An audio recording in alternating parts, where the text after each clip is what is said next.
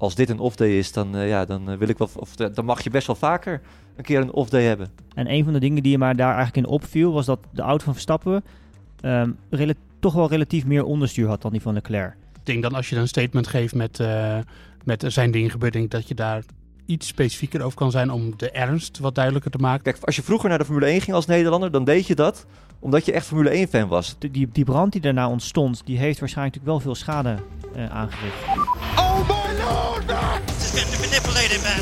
We needed a bit of luck. Oh my god! Max Verstappen, you are the world champion! The world champion! Welkom bij De Bordradio, de Formule 1 podcast van nu.nl, waarin we gaan terugblikken op de Grand Prix van Oostenrijk in Spielberg. En we gaan terugblikken vanuit, nou niet Spielberg. Nee, 50 kilometer verderop hè, zitten we. Ja. Mooie, mooie ritjes iedere dag. Weinig files, viel, uh, viel ons alles mee. Alleen op vrijdag toen de mensen aankwamen, maar uh, ja, hartstikke leuk. Al dus Patrick Moeken en, en Bas Scharwachter dus vanuit Oostenrijk. Uh, maar we gaan dat niet met z'n tweeën doen natuurlijk hier. Um, want Joost Nederpelt is er ook weer bij. Ja, vanuit Hoofddorp dit keer. Net als uh, woensdag trouwens. Ja, dat is nou weer jammer. inderdaad, niks veranderd. Um, hij was er woensdag niet bij. En mensen die luisteren natuurlijk vooral naar onze podcast voor zijn tactische analyses. Technische analyses eigenlijk. En misschien tactisch ook wel. Hoop in Toen, goedenavond. Goedenavond. Ja, ik, uh, vanuit de studio geen uh, file gelukkig voor mij. Dus uh, we zaten al, ik zat al met gezonde smart op jullie te wachten. Nou, fijn. Nou, gelukkig dat je, de, dat je erbij bent. we gaan het zeker zo meteen over de banden hebben, hoop in. Dus ja, ah, ja, ja, je mag zo meteen warm gaan draaien. Ja. Heerlijk. Ik zat er al op te wachten. Nou, gelukkig waar. allereerst Patrick. Eigen Patrick, wat zeg ik nou? Moeken. Patrick, je mag ook een keertje Patrick noemen hoor. Ja, ja. Helemaal, helemaal verslag ben ik. Um, van tevoren hadden we misschien een beetje gehoopt van... als Leclerc nou een race wint, dan wordt het kampioenschap wat spannender. Nou, nu is het uiteindelijk maar vijf puntjes geworden in totaal... dat hij in is gelopen op Verstappen. Maar toch is het wel weer leuk. Zeker. In ieder geval Leclerc die zei na afloop, afloop ook van... ja, dit heb ik uh, absoluut even nodig. Uh, ik toverde wel een lach op mijn gezicht de afgelopen races... maar uh, ja, eigenlijk was ik gewoon diep en diep ongelukkig. Hm. En ja, je merkt aan alles dat er echt wel een, een soort last van zijn schouders is afgevallen door deze zege. Joost, ben je eigenlijk verrast door de snelheid van Ferrari? Want wij zagen dit allemaal niet aankomen volgens mij.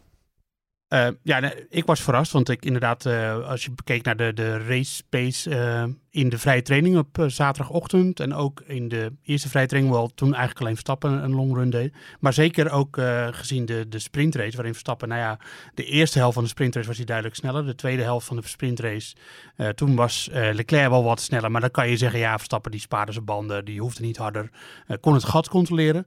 Um, maar uiteindelijk bleek dus dat dat een indicatie was voor wat we in de race konden verwachten. Verstappen zei wel na afloop van de sprintrace van uh, deze strijd is niet gestreden en het, het, wordt spannend morgen. En Leclerc zei natuurlijk van ja, we hebben de pace, we pakken ze morgen. Dat zei hij letterlijk. Nou, dat bleek profetische woorden, want uh, Ferrari was gewoon sneller. En dat had Red Bull niet verwacht, dat had ik niet verwacht. Helmut Marko had dat niet verwacht. Dus dat was een verrassing. Ja, vooral, vooral het over Ferrari gaan hebben. Eerst even over de, de Red Bull van Max Verstappen. Want Hopin, ja, ik dacht dit wordt gewoon een makkie in Oostenrijk. Dat hebben we de afgelopen jaren ook gezien. Maar je zag bijvoorbeeld op die mediums, ja, na elf ronden had hij al zoveel problemen. Ja, ja dat was wel natuurlijk heel erg opvallend. Nou ja, een beetje aansluitend op wat Joost ook vertelde. Um, ik denk dat ik ook bij de, de, groep hoorde van mensen die niet hadden verwacht dat uh, nou, Ferrari echt toch wel zo'n stuk sneller was dan uh, Red Bull op deze baan. Uh, zeker niet ook ja. naar, de, naar de pace in de vrije trainingen.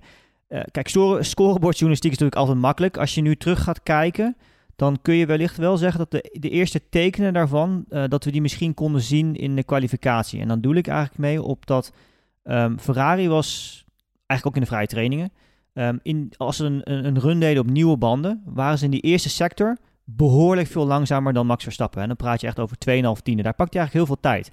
En ja. dat heeft puur te maken met warm-up van banden. Uh, omdat die baan natuurlijk zo kort is, hè, 1 minuut 5, uh, dan uh, heb je natuurlijk niet zoveel tijd. Je hebt maar 7 bochten, er gaat weinig energie in de band.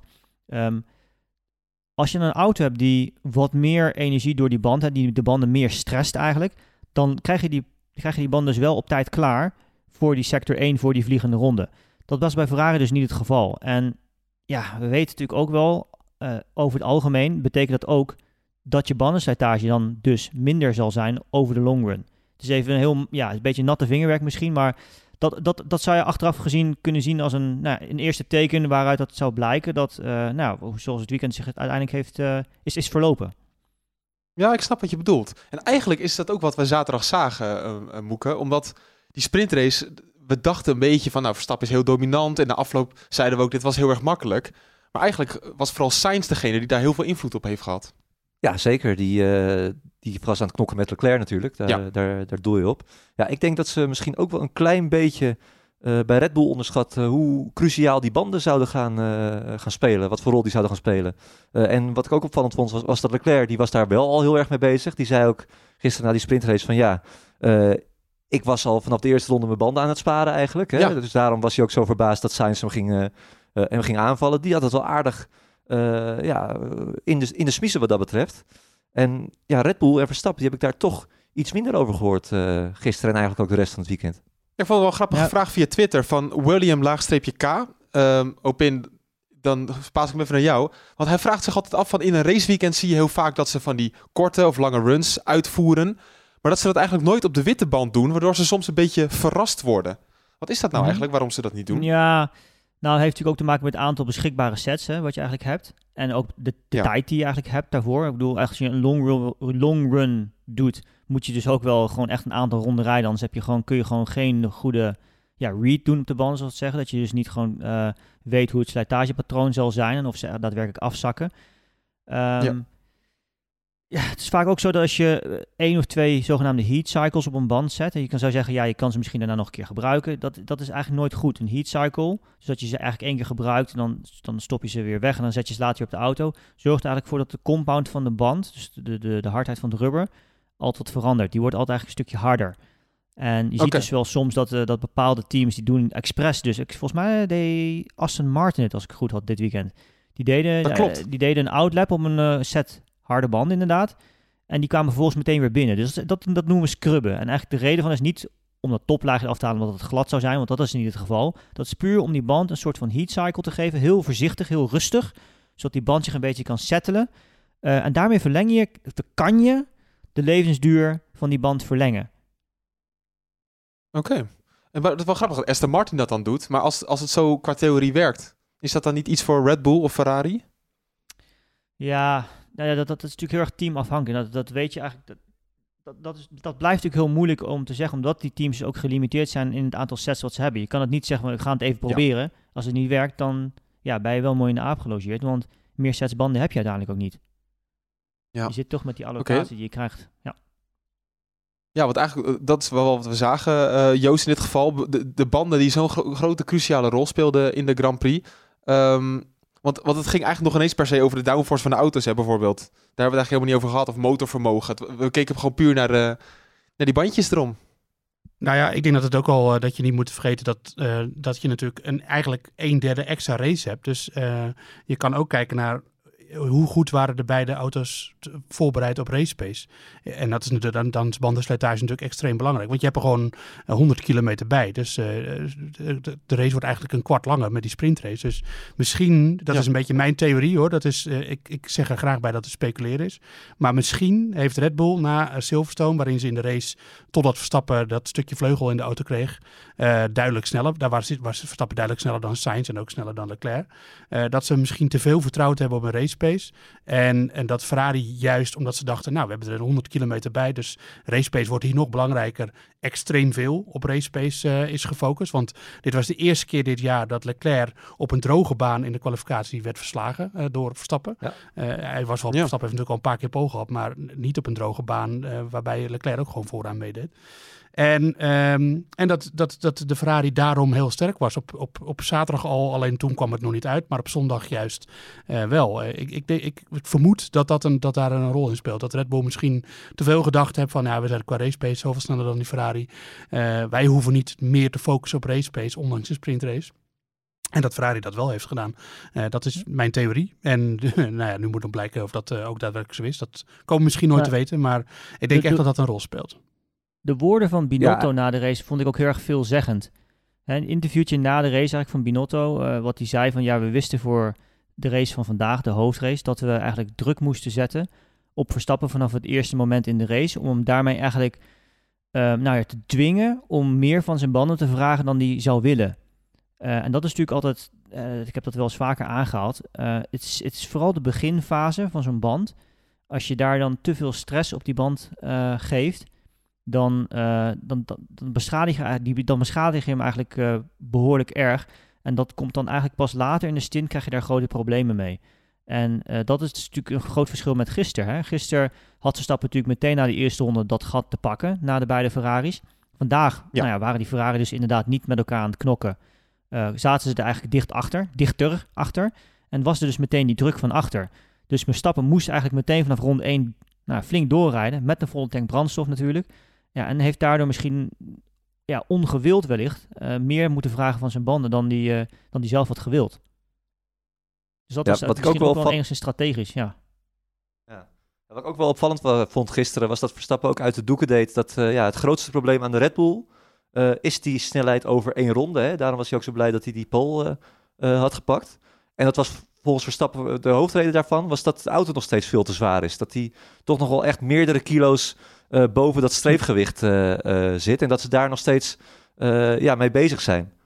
En ja, wat Joost ook zegt over die race pace, je merkt aan alles eigenlijk dat Verstappen zich daar inderdaad niet zo, niet zo zorgen over maakt. ja, vrijdag na die kwalificatie dan. Grappig, eigenlijk ziet hij het een beetje als een incident. Hij noemde het ook na afloop van de race een, een off-day voor Red Bull. Ja, en dat, ja, dat was het ook. En laten we wel wezen, kijk, vorige week hebben we dat eigenlijk ook gezet. Ja, hij heeft een gigantische marge. Eh, als dit je off-day is, je verliest slechts vijf punten. Eh, Ferrari heeft toch nog wel wat laten liggen met Sainz, want die had natuurlijk wel tweede moeten eh, worden. Hij staat nog steeds veel meer dan een, ja, een, een WK-zege aan de leiding van het kampioenschap. 38 punten. 38 Nou. punten, ja. al- al- Als dit een off-day is, dan, ja, dan wil ik wel, of dan mag je best wel vaker een keer een off-day hebben. Maar- Wat ik wel, ehm, nog, ik, bedenk me nu in één keer iets. Ik had in de na de kwalificatie had ik een comparison gedaan, dus een vergelijk naast elkaar tussen Leclerc en Verstappen. En een van de dingen Ja. die je maar daar eigenlijk in opviel, was dat de auto van Verstappen ehm, toch wel relatief meer onderstuur had dan die van Leclerc. En ehm, we weten natuurlijk dat Red Bull een aantal updates heeft uitgebracht, dat eigenlijk onderstuur ook nou ja, vanaf het begin van het seizoen al toch enigszins een probleem is geweest voor de Red Bull. Hè, Verstappen eh, was daar eigenlijk niet zo blij mee natuurlijk. Ze zijn volgens mij nu wel in die richting gegaan om dat enigszins op te lossen. Maar er zit nog steeds meer onderstuur in. En eigenlijk wat je ziet dan, wat er dan gebeurt, is dat je... Natuurlijk slaat je door onderstuur de voorbanden relatief meer. Dat is absoluut waar. Maar wat er ook gebeurt, is omdat je dus met een grotere stuurhoek de bocht zeg maar uitkomt min of meer... en je wilt toch op, op tijd het gas, eh, gas gaan geven om uit te accelereren... dan heb je dus een grotere stuurhoek terwijl je op je gas gaat. Dat zorgt er vaak voor dat daardoor de achterbanden ook meer slip krijgen. Omdat je dus die Hmm. stuurhoek nog steeds hebt. Ehm, dus dat verklaart ook weer. In het begin van de race hoorde hem veel klagen van ja, ik heb eh, heel veel onderstuur en eh, de auto is heel erg onvoorspelbaar eigenlijk.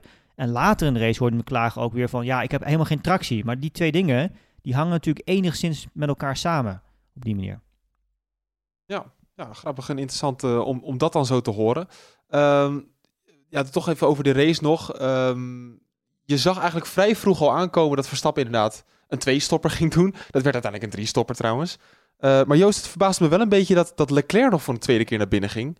Ik dacht eigenlijk, die gaat het met een één-stopper wel afdoen. Ja, maar dat, ik denk dat dat ook. eh, kijk, we, we hebben natuurlijk heel veel geklaagd over eh, Ferrari en de strategische keuze daar. En terecht. Maar ze hadden vandaag, eh, vanaf het moment dat Verstappen redelijk op tijd naar binnen ging. en zij gewoon de snelheid bleken te hebben. eh, had Ferrari het, het, het initiatief in handen. Dus ja, ze konden een hele lange stint doen op die, hele, op die, lange, op die harde band, bedoel ik. Dat hadden ze misschien kunnen Ja. redden, dat, dat zullen we nooit weten. Maar ja, ze hadden gewoon de, de mogelijkheid om gewoon die tweede stop te maken. Beide coureurs hadden nog een extra harde band over. Ja, dus waarom zou je dat niet doen? Dan ga je het jezelf alleen maar moeilijk maken, terwijl je gewoon makkelijk de kans hebt om, eh, om die stop nog te maken. En ehm, ja, Leclerc ging natuurlijk Verstappen daarna voor de derde keer voorbij. Dus de pace was er ook gewoon. Eh Verstappen had niet de banden daarna om zich te verdedigen. En nou ja, het eigenlijk natuurlijk gewoon geluk dat Sainz eh, klapte voordat hij er voorbij was. Want anders was hij er ook gewoon weer voorbij gegaan. Dus ik denk dat het gewoon een luxe keuze was voor Ferrari. En, en dat was heel dom geweest als ze dat niet hadden gedaan. Ja, dan die inhaalacties van Leclerc op Verstappen. Natuurlijk, Patrick, het waren allemaal makkelijke zaken eigenlijk, omdat de banden, het bandenverschil was gewoon groter. Maar ik merkte wel een beetje veel verschil. eh, sorry, hoe zeg je dat? Veel respect naar elkaar. Ze gooiden elkaar niet van de baan af. Nee, je wil eigenlijk zeggen dat als Hamilton daar had gereden, dat het misschien niet zo vriendelijk was gegaan. Nou, je kan mijn gedachten lezen. Ja, ja, ja. Nee, dat is zo, maar dat zien we eigenlijk al het hele jaar, toch? Dat eh, eh, Verstappen en Leclerc op een iets andere manier tegen elkaar ra- racen als Verstappen en Hamilton eh, dat doen. Nou moet ik wel zeggen, Ferrari was gewoon zo snel. En zeker met die lange rechte stukken op, eh, op Oostenrijk. Eh, dat het ook niet echt zin heeft om met hand en tand te gaan verdedigen. Dat zag je ook twee keer hè, bij Verstappen. Ja. Dat hij dacht, nou de groeten. Precies. En als hij op het ene rechte stuk er niet voorbij komt, dan doet hij dat wel op het andere rechte stuk. Ja, Ja, nee, dat heeft, dat heeft gewoon weinig zin. En dat, dat, dat zag je ook gewoon. En Verstappen, die was de eerste die dat eh, ook zei over de boordradio. Ik heb weer de hele race met hem meegeluisterd. Ja. Eh, die banden waren een ding. Hij zei alleen maar van, ja jongens, het, eh, het heeft ook, hij zei letterlijk, het heeft geen zin voor mij om te verdedigen. je zei naar mij, na rondje vijf, dat hij direct begon over de tires are shit. Ja, ja, tires are shit. Na vijf rondes. Ja, vijf, bizar. Ja. Ja, nee, dat, eh, dat had hij zelf ook niet verwacht. En daar had ik het vanmorgen ook al even met Hopin over, wat natuurlijk ook niet heeft geholpen. eh, is, dat, is dat het geregend heeft, dat al die grip is weggespeeld, weggespoeld. Ehm, dat, dat er minder grip is. En dat betekent automatisch meer slijtage. Ja, want eigenlijk als het dan op zaterdag al matig was, hoop in, dan was het eigenlijk zondag nog erger voor Verstappen dan, toch? Ja, absoluut natuurlijk. Dat is ja, een, zware grote regenbui zorgt er altijd voor dat het gripniveau op de baan eh, omlaag gaat. Ehm, en dan hebben we natuurlijk wel v- in de ochtend nog die Formule 3 race gehad, de Formule 2 race, Porsche Supercup. Eh, maar die leggen natuurlijk in geen mate rubber neer zoals een Formule 1 auto dat doet. En eh, ook ander type rubber. Zeker met natuurlijk in het geval van de Porsche Supercup. Ehm, dus ja, nee, dat, ja, dat heeft enorm veel invloed. En als, als je dan als Verstappen en Red Bull zijnde weet dat je gisteren toch al een beetje kritiek zat met bandenslijtage, ja, dan weet je eigenlijk dat het vandaag alleen maar erger wordt. Hè? Zei, de baan heeft minder grip, de, de- meer brandstof in de tank, ehm, noem maar op. Dus ja, en tel daar ook bij op, kijk, we hebben natuurlijk het hele jaar al gezegd, de Ferrari heeft toch wat meer downforce. En vergeet niet, ook al is Ja. dit circuit natuurlijk niet zo extreem op hoogte als bijvoorbeeld Mexico, het ligt ook op hoogte. Dus ja, de- minder grip, minder, eh, sorry, minder downforce daardoor. Ehm, krijg je toch iets meer slip op de band, zoals we dat zeggen. Je gaat iets meer glijden automatisch.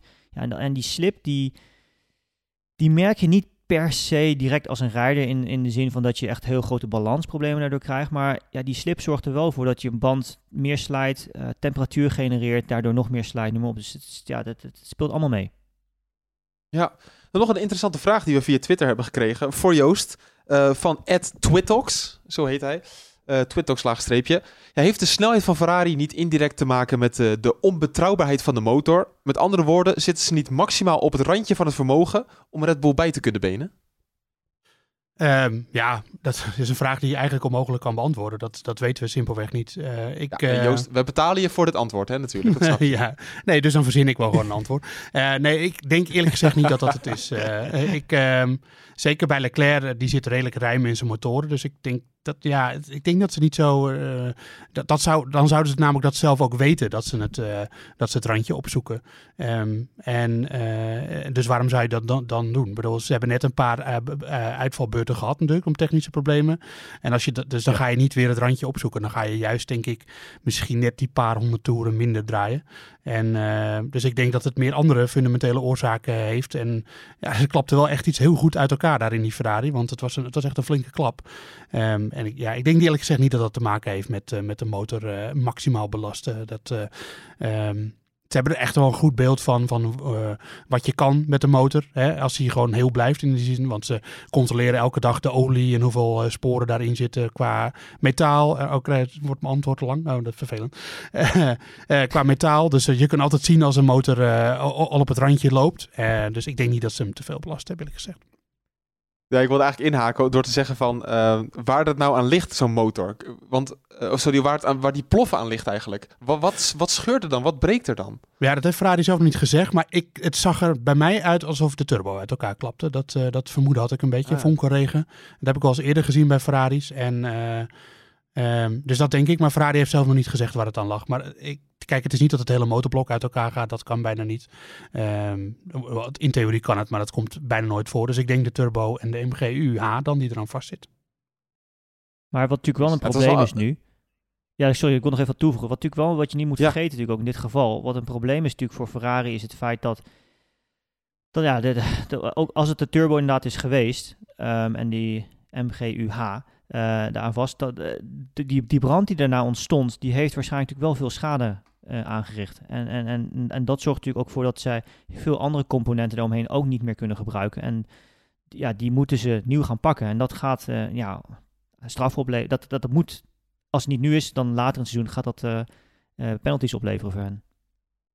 Ja, sowieso, die hele situatie, Moeke, was bizar met, met Sainz. Want hij wilde in zijn auto blijven om op het rempedaal te blijven drukken. Ja, Eh, hij zei ook nog, ik wilde dat de stewards zouden komen, zodat ze de auto tegen zouden houden. Ja. Maar dat gebeurde allemaal niet. ja, het was echt, je hoorde ook in het mediacenter een soort, eh, zo, echt zo'n schrikreactie door, het, eh, eh, ja, door de zaal gaan Je eigenlijk. ziet, je ziet een coureur in de nou, tenminste, om het even zo te zeggen, je ziet een coureur in de fik staan. Nou ja, het, het schoot niet op. En je zag het brandje, het was heel klein begon het. Ja, En echt binnen een paar seconden werd het groter, groter en groter. Nou, toen begon die auto achteruit te rollen. Ja. Eh, geen Marshall in te bekennen met, eh, erbij te bekennen met een brandblusser. Ja, werd er nog weggeschakeld op een gegeven ja moment. ook nog. Waardoor wij Oh, oh. eigenlijk dachten, het wordt alleen maar erger. Nou ja, de, de, de, regie die dacht natuurlijk ook van ja, als hier iemand, eh, als hij stel hij raakt gewond, dan gaan we dat natuurlijk niet in beeld brengen. Nee. Dus eh, ja, gelukkig kwam hij ook wel weer snel terug in beeld dat hij uit zijn auto stond. Dus toen was het ook wel weer vrij snel klaar. Ja. Maar eh, ja, Sainz die zei na afloop ook wel dat hij behoorlijk geschrokken was natuurlijk. Wat volkomen te begrijpen was. Ja, ik moet toch, ja, ik, ik moest gelijk denken aan Grosjean. Dat is heel stom. Maar je, je- omdat je hem zag zwaaien vanuit die auto, ik dacht misschien zit hij vast of zo. Ja, ja, het was, het was heel gek. Het was echt, eh, nee, geen, eh, de, de, ge- geen handige actie om het zo maar even te zeggen. Wat je heb jij wel eens een brandje in de zeggen auto gehad? Oh, sorry. Ja, nee, je zou toch zeggen dat de marshals in, O- in Oostenrijk, waar eigenlijk geen eh, horizontaal stukje te vinden is, dat die daar wel eh, voorbereid zijn op het feit dat een auto kan gaan rollen. Want ja, de, Ja. ja, je auto kun je daar eigenlijk bijna nergens stilzetten. Eh zonder eh, Ja. dat hij een beetje naar voren of naar achter loopt. Dus het- alles is een helling daar. Dus ik, eh, ik ver- verbaasde mij wel dat A, dat de marshals inderdaad zo laat waren. En B, dat ze die situatie niet helemaal goed in leken te schatten. Ja. Hij had uiteindelijk wel zo'n zijn, zo'n stukje had hij.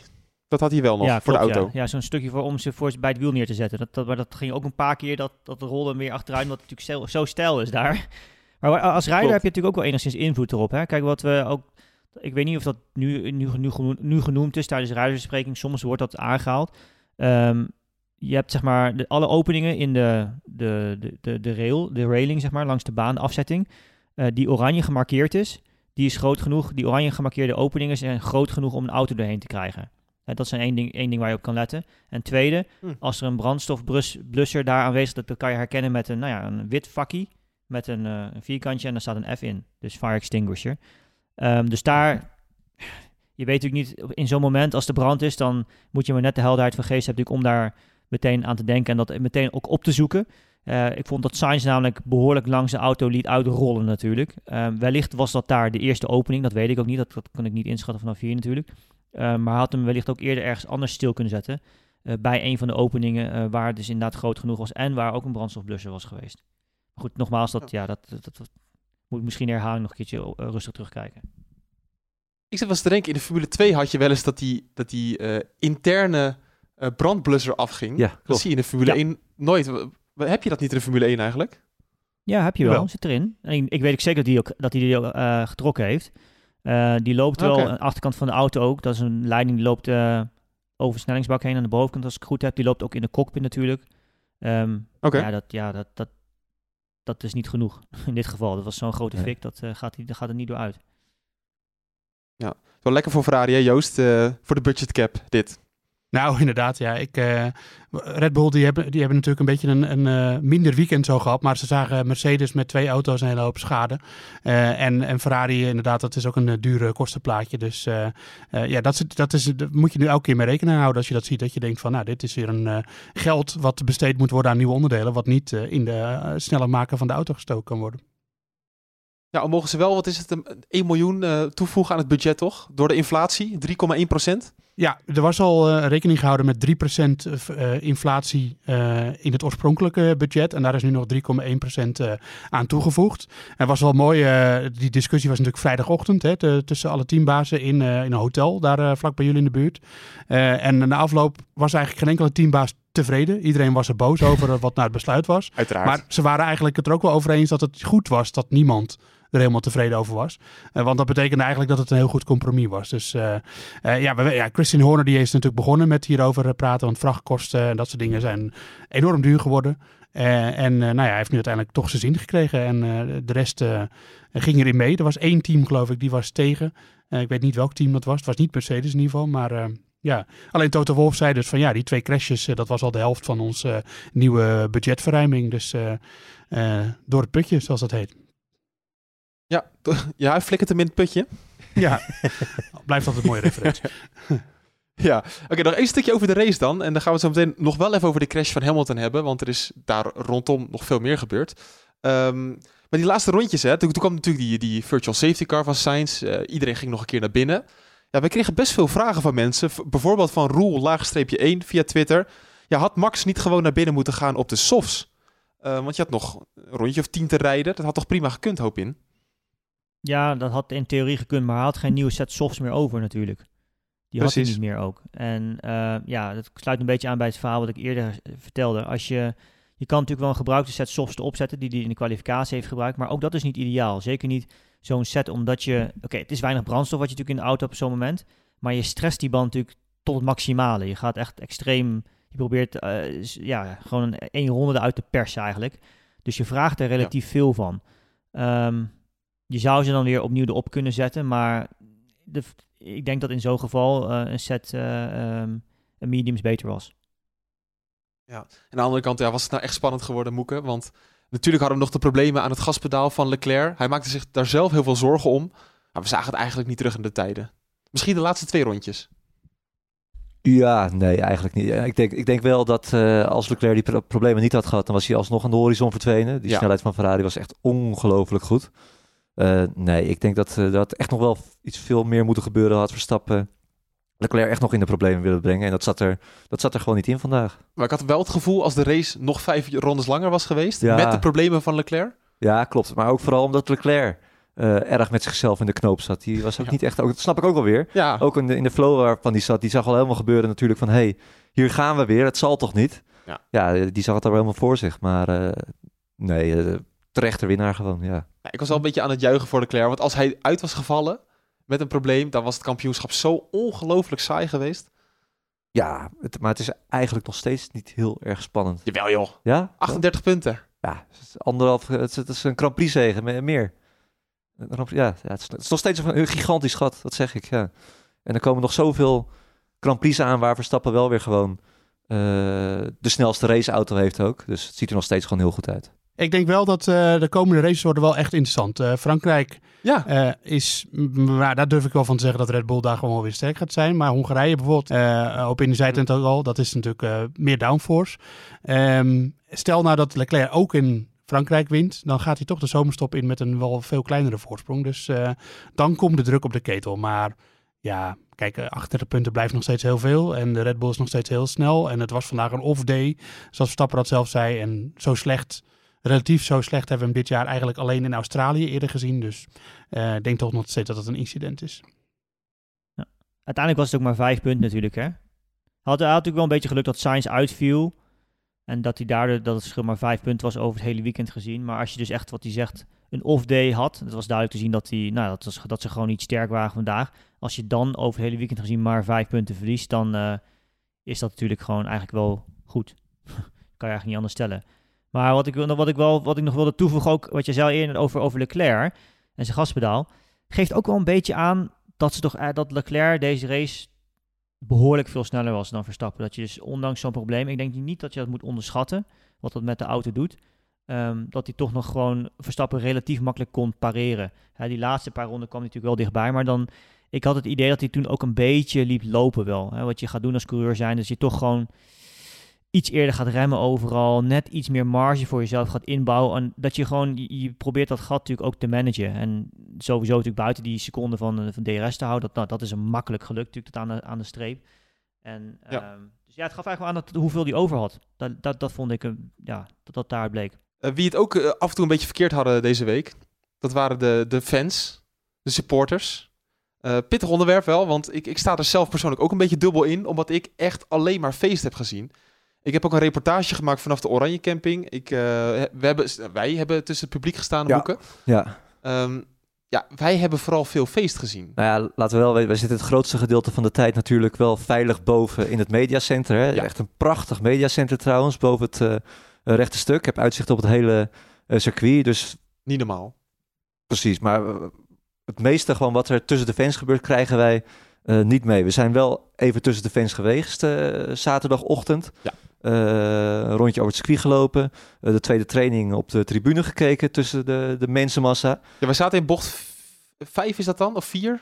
Eh, eh, bocht 4, ja. Ja, bocht vier is dat ja, gewoon, ja. ja. Nee, dat, maar dat was hartstikke... Dat, althans, dat was, dat was gewoon hartstikke leuk. Het was, eh, dat was niet eens een officiële Verstappen-tribune, maar er zaten wel bijna alleen maar Verstappen, Verstappen-fans. Ja. En daar was het gewoon echt eh, feest, gezellig. Ehm, het was niet zo dat... Het was de dag na de crash van Hamilton. Ik heb ook een reportage gemaakt voor Nu.nl met eh, eh, fans die juichten ook voor, eh, voor Hamilton. Nou, hun verhaal was eigenlijk van dat ze toch allemaal getriggerd werden door die quotes uit Silverstone. Dat ze zoiets hadden van ja, daar, daar heeft hij zich gewoon niet populair mee gemaakt. Aan de andere kant moet je dus zeggen van ja, ga je daarom juichen? Ze zeiden ook allemaal, we zagen dat hij bewoog in zijn auto, dat hij ongedeerd was. Hey, sorry, daar ga, daar ga ik niet in mee. Want hij crashte eh, en je zag meteen dat het publiek aan het juichen was. Ja, ja nee, dat, dat, is, dat is ook zo. Kijk, en het zal... eh, dat zei ook een eh, meneer die ik daarover sprak, Ja. die al sinds de jaren negentig naar de Grand Prix gaat. Oh ja. Hij zegt, ja, wat, wat mij wel opvalt, is dat er toch ook wel... je hebt Formule 1 fans en je hebt gewoon een soort festivalfans heb je rondlopen. En ook hebben wij ook wel gezien. We hebben ook gewoon best wel wat jongens in voetbalshirts zien lopen. Nou, ik vraag me ook af, vind ik ook niet helemaal gepast als je naar een Grand Prix eh, in de Formule 1 eh, eh, gaat. Dus het is niet echt meer... Kijk, als je vroeger naar de Formule 1 ging als Nederlander, dan deed je dat omdat je echt Formule 1 fan was. Het was echt best wel prijzig, is het altijd al geweest. Het Ja. is nu nog steeds best wel prijzig, maar door die Verstappen-gekte, ja, eh, iedereen heeft ook die beelden gezien van die hossende mensenmassa's, eh, dat het ook best wel veel volk trekt, eh, wat gewoon niet elke week naar een Grand Prix Formule 1 kijkt. En dat is ook goed. Ehm, alleen ja, je hebt je natuurlijk wel een beetje te, te gedragen. En dat was altijd het leuke aan de Formule 1. Eh, Schumacher-fans zaten naast Hakkinen-fans. Het maakte niet uit wat voor shirtje je aan had. Je zat allemaal door elkaar heen. Ja. En dat, dat moet gewoon blijven kunnen natuurlijk. Het viel mij ook wel op dat wij tijdens die twee- tweede vrije training dus op die tribune zaten in bocht 4. En toen liepen we op een gegeven moment tijdens de training terug voor een andere plek. En hoeveel mensen gewoon niet op de tribune zaten. Ja, tijdens een training. Dat, eh, ja, klopt. Ja, we nee. moesten echt, echt wurmen tussen alle supporters Ja, door. En ook, eh, je hoorde ook verhalen over dat, de, dat heel veel campings nog gewoon vol zaten. Ook tijdens de kwalificatie. En, Ja, ik, ik was op het eh, begin eerste vrije training was ik nog op de camping. En toen eh, ik was een beetje aan de late kant. Er zaten heel veel mensen nog. Ja, precies. Dus dat is wel een beetje apart. Ja. Aan de andere kant moeten we ook wel benadrukken dat het, het is natuurlijk wel een klein groepje die de ellende veroorzaakt. Het, het, het gros van de mensen heeft gewoon een topdag be- beleefd, heeft zich gewoon netjes gedragen. Eh, en zoals het hoort, alleen ja, ook in het voetbal zie je dat wel eens. Gewoon een kleine groep eh, verpest het voor de rest. Ja, want de ellende is dus dat er, er is eh, racisme vastgesteld. Ehm, er zijn vrouwen betast. Er zijn tweets van vrouwen die zeggen dat ze zijn aangeraakt op plekken waar je niet aangeraakt moet worden. Ehm, dat, dat is wel gewoon verschrikkelijk om te horen. Zeker, ja, dat, dat, dat wil je niet. En dat, ja, dat- je weet hoe het gaat. Er zit ongelooflijk veel alcohol eh, wordt, wordt er gedronken. Dat hebben wij ook gezien net toen we van het circuit Ja, afgingen. het is niet normaal. Stond er voor de mediaparkeerplaats stond een jongen die had letterlijk een hek bo- boven zijn hoofd. Ja, die, Nou, die- die, die is- tilde een hek op, ja. Die wist niet meer wat boven en onder was.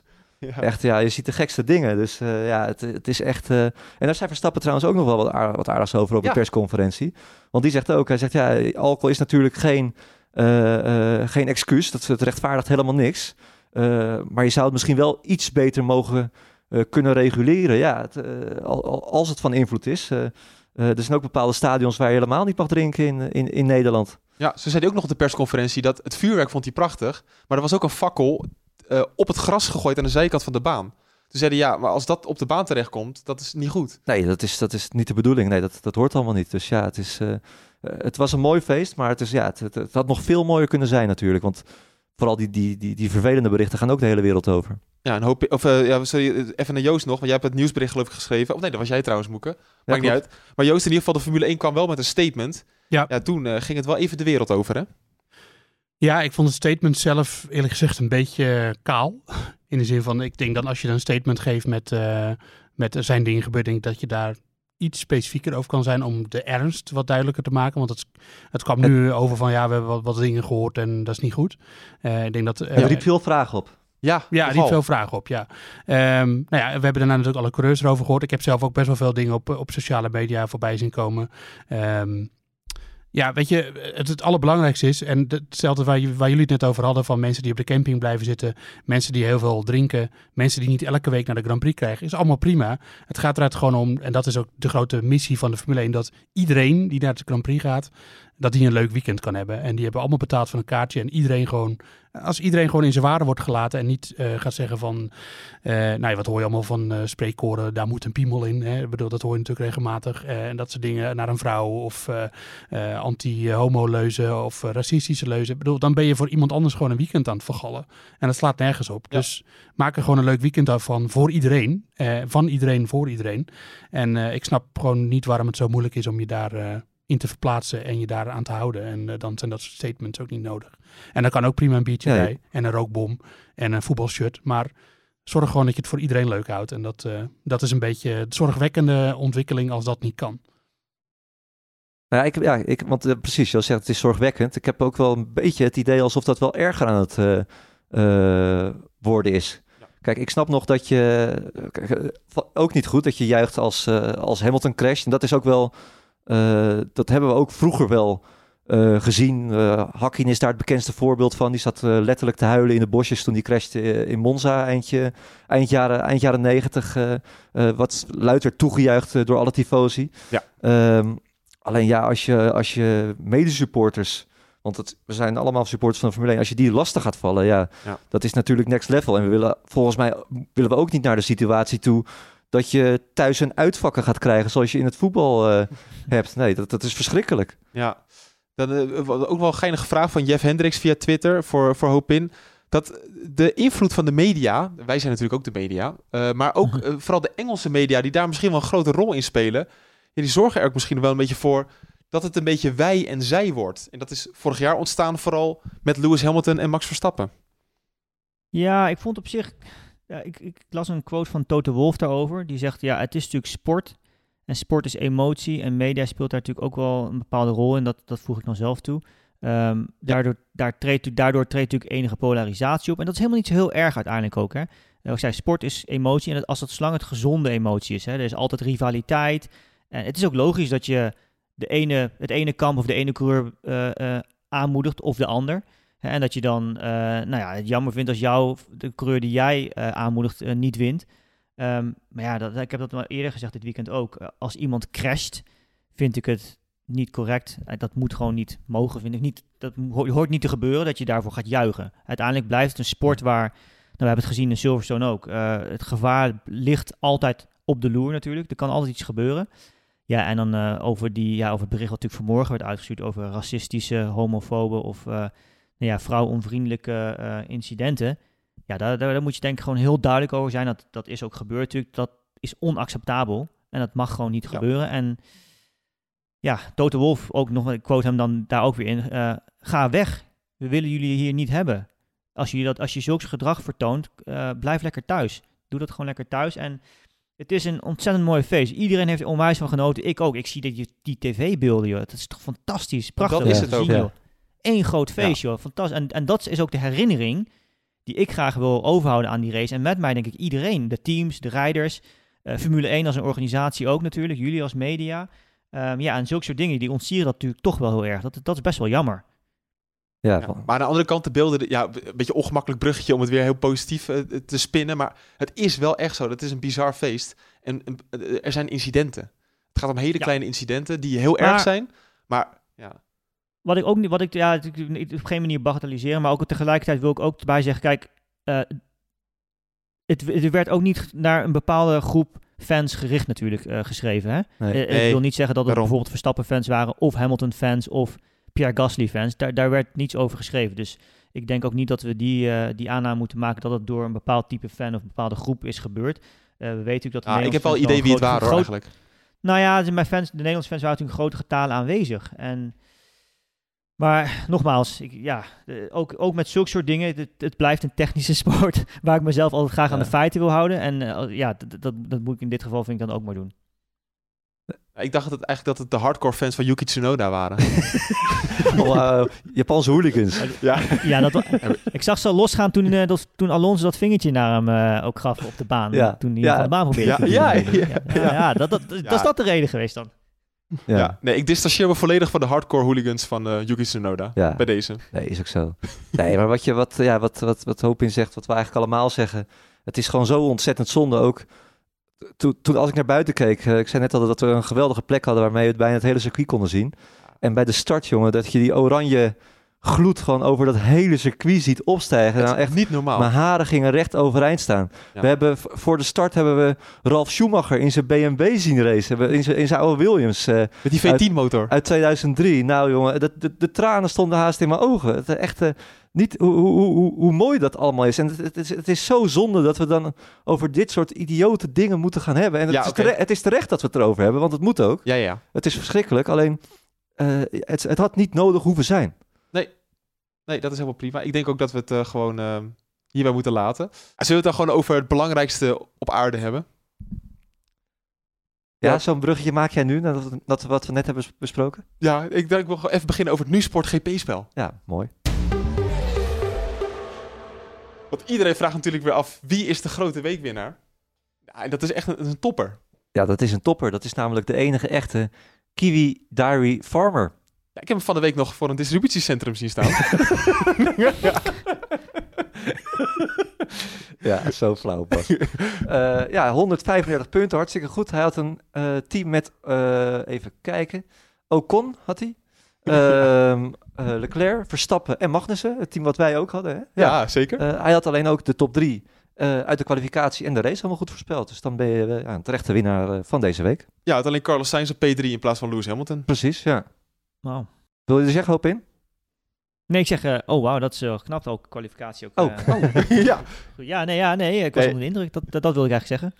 Voor het eerst volgens mij dat Hoop in iets over het GP-spel zegt. Ja, normaal hou ik mijn mond dicht, ja.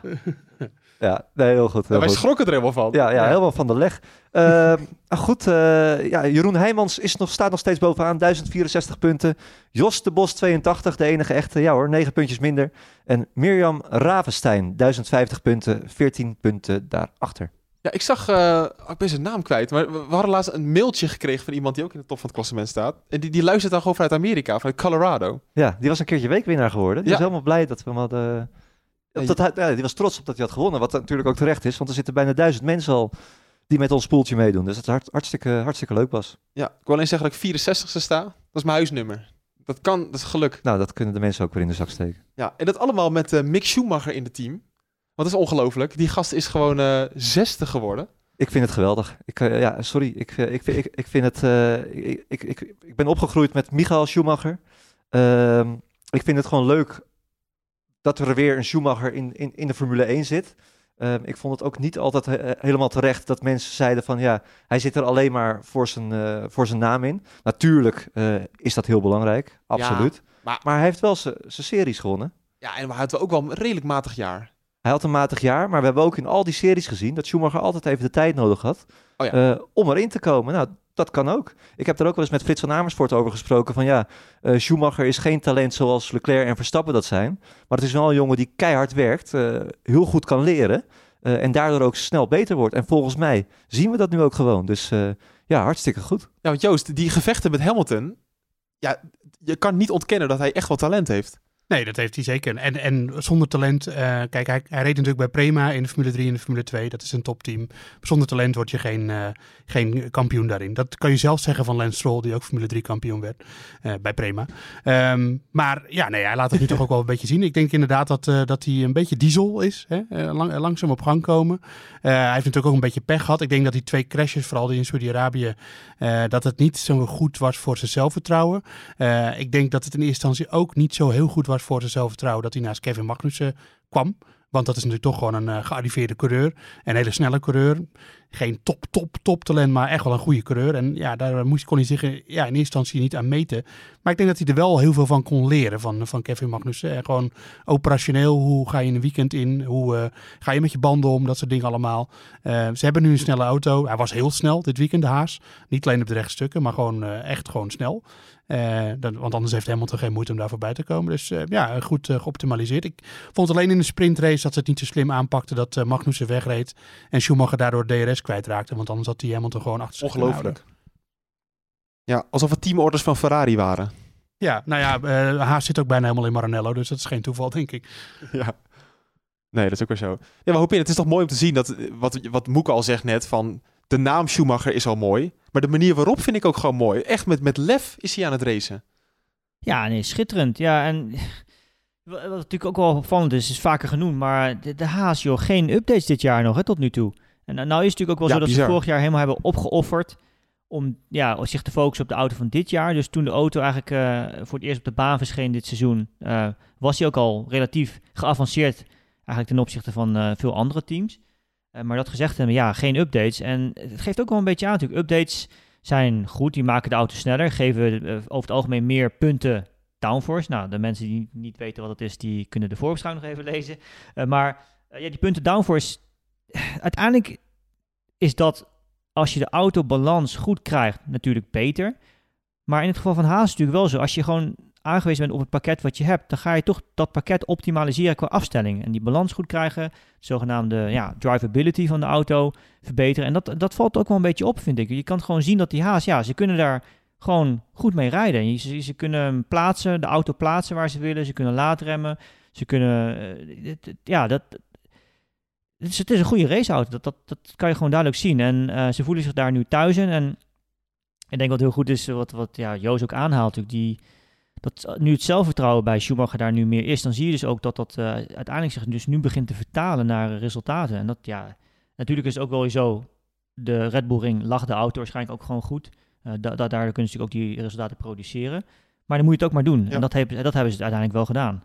Dus ja, Ja, en, dat- en dat twee weken op rij. Want we vergeten natuurlijk vorige week Silverstone niet. Dat duel met Verstappen. Dat ging er ook echt hard aan toe. En met Hamilton, die, die drukt hij ook half gewoon de grimbak in. Hij Ja. heeft gewoon de... Ik wil bijna zeggen, hij heeft daar scheid aan. Ja, precies, dat, dat is een beetje wat ik bedoel. Hè. Hij, is- is- eh, die auto, daar, kan- daar kan hij goed mee rijden. Eh, Je kan die auto eigenlijk ook, wat ik zei, plaatsen waar je wil. We hebben natuurlijk de- deze race ook weer opnieuw voorbeelden gezien van rijders die eigenlijk nou, eh, proberen te verdedigen of in te halen, die dan weer doorschieten en elkaar raken. En daar worden dan weer straffen voor uitgedeeld. Ja, dat is bij hem natuurlijk niet het geval geweest. En hij weet, ja, hij kan er toch, eh, ja, die limiet en het gedrag van die auto eh, is, is voor hem voorspelbaar. En dat heeft er mede mee te maken dat ze gewoon eigenlijk vanaf het eerste race dit jaar gewoon hetzelfde pakket hebben. En dat, dat geoptimaliseerd hebben verder. Ja, prachtig. Ja, echt, echt mooi. En eh, ook terecht driver of the day geworden. Staat nu boven... Wat zei je nou, Moeke, in het kampioenschap? Boven Tsunoda, boven Stroll stond hij al natuurlijk. Ja, dat- boven Stroll, is niet zo moeilijk. Nee, ja. En eh, Haas is uh, Alfa Tauri voorbij in de constructeurskampioenschap. In het constructeurskampioenschap. Dus Ja. dat is toch eh, best knap. Dat hadden we voorafgaand aan het seizoen niet, eh, niet durven stellen. Plaats 7 in het kampioenschap nu, ja, toch? hartstikke razend knap. Ja, ongelooflijk. Ja, het worden fantastische weken, want eh, we denderen gewoon door. Al zit er wel een weekje tussen. Maar we- we naderen natuurlijk de winterstop, of de zomerstop. Eh, hebben we ook wel even nodig, hè? laten we wel wezen. Jij, jij bent naar Silverstone geweest natuurlijk. Je had al eh, voordat je hierheen kwam gevraagd of je een dagje extra rust, rust kon eh, nemen. Je vlucht proberen uit te stellen. Hè? ah, arme jongen. Ja, nee, eh, mensen moeten heel veel medelijden met jou Ja, hè? hebben. Ja. Ja. Nee, Ja, het, nee, maar het, is- het, is, het is pittig. Mag ik toch even aan jou vragen, hoe beviel Oostenrijk al met al? Ja, ik heb een geweldige trip gehad, eh, Bas. Ja. Ik zei tegen jou toen we hierheen reden van het vliegveld naar ons hotel. Ik heb twee missies eh, deze trip. Ik wil graag eh, sneeuw zien. Nou, dat is helaas niet gelukt. Hè? Dat, eh, verschillende oorzaken, maar we zaten denk ik niet hoog genoeg. Nou, de tweede plaats van Sainz. Ja, dat, wel- dat kwam aardig in. Die viel als sneeuw voor de zon. Ja, oh, ja. Ja, ja. Ja, ja. En ja, goede reportages maken, maar ook veel vrienden gemaakt. Ja. En dat is toch echt wel, wel gelukt, ja. We gaan zo weer naar de hotelbar toe. hele kliek met de mannen van Zerfus TV. ja dat, is, dat is de zender van Red Bull. Dat is de Red Bull zender, ja. Die gaan iedere dag om, eh, om zes uur eh, s ochtends weg hier. Die bouwen de studio op en eh, ja, die zitten allemaal bij ons in het hotel. Dus hartstikke gezellig. En ja, een delegatie van Alfa Tauri zit hier ook, van het, de fashion brand van Alfa Tauri. Ja, dat moesten we in benadrukken in de podcast, hè? Want mensen vergeten wel eens dat het een fashion brand is. Nou ja, je vergeet dat Alfa Tauri gewoon een kledingmerk is. ja, nee, maar dat is ook zo. Ja. Nee, nee, maar die hadden dus ook een hele fotoshoot met, met Yuki en, en Pierre. En dat is wel grappig. Wij kijken alleen maar naar hun, eh, hun racecapaciteiten. Maar zij zeggen van ja, het zijn gewoon twee ideale coureurs. Want ze, ja, het zijn, ze zien er prachtig uit. Ja. En ze zijn perfecte modellen voor ons. Zo'n jonge Japanner die heel fotogeniek eh, kijkt. En Pierre is ook gewoon een, ja, een- hij schijnt, het schijnt een hele knappe jongen te zijn. Moeten we ook vertellen wat ze dan over Verstappen en eh Nee, Perez dat, kunnen, zeiden? dat kunnen we beter niet doen. Nee. Misschien geef ik het al een beetje weg. Ja, ja, ja, ja. Maar Maar dat is wel leuk dat je ook die kant van de Formule 1 dan hoort. En dat, dat zijn de verhalen die je dan op zo'n trip aan de hotelbar eh, hoort. ja, en dan nog, toch nog één tip. Ga volgend jaar naar Oostenrijk. En Ja. wees wat vriendelijker. Maar aan de andere kant, ik denk dat, dat 99% wel vriendelijk was. Eh, En ook voor de mensen die zijn geweest en nu in de auto zitten en denken, wat zijn ze negatief? dat zijn we ook weer niet. Maar misschien komt dat te weinig terug in deze podcast. Nee, het, het, eh, laten we wel wezen, dat hebben we ook al gezegd. 99% van de mensen heeft zich gewoon goed gedragen. Ja, ja, ja. En die hebben ook, die hebben waarschijnlijk niet veel meegekregen van wat er allemaal aan negatieve dingen is gebeurd. En gelukkig maar. Ja. En die kijken gewoon, denk- ik denk dat die nog graag volgend jaar ook weer terug zullen, zullen komen. En gelukkig. Komende twee races. Frankrijk en Hongarije. Joost eh, is daar eh, eenmaal bij. Jij bent daar eenmaal bij, Moeke. Eh, en ook in Hongarije wordt weer een oranje invasie. Revanche. Ja, niet zo'n oranje invasie als hier. Maar eh, ja, we gaan er wel voor zitten natuurlijk. Precies. We gaan hem afronden, mannen. Ik vond het mooi geweest. Joost, dankjewel. Ja. Trek je het nog? Ja hoor, hartstikke goed. Ik, eh, sorry, ik was even aan het slapen inmiddels al, maar eh, ik, eh, ik ben er weer bij. Ja, ik had je weinig de beurt gegeven de laatste 10 minuten. Sorry daarvoor. Nee, dat geeft Eh niet. Hopin, jou ook weer dankjewel. Ben ben jij volgende week Ja. weer bij Viaplay of over twee weken? Nee, nee ik, dan ben ik er niet bij. Maar ik ga Oh. jullie hopelijk weer verblijden tijdens de race in, in Hongarije. Tof. Helemaal leuk. Nou, we gaan je daar weer zien. Eh, veel plezier daarmee. Eh, wij gaan de hotelbar in en dan wens ik iedereen nog een fijne week. En tot over twee weken bij de vooruitblik op de Grand Prix van Frankrijk. Auf Wiedersehen. Auf Wiedersehen. Auf Wiedersehen. Santé.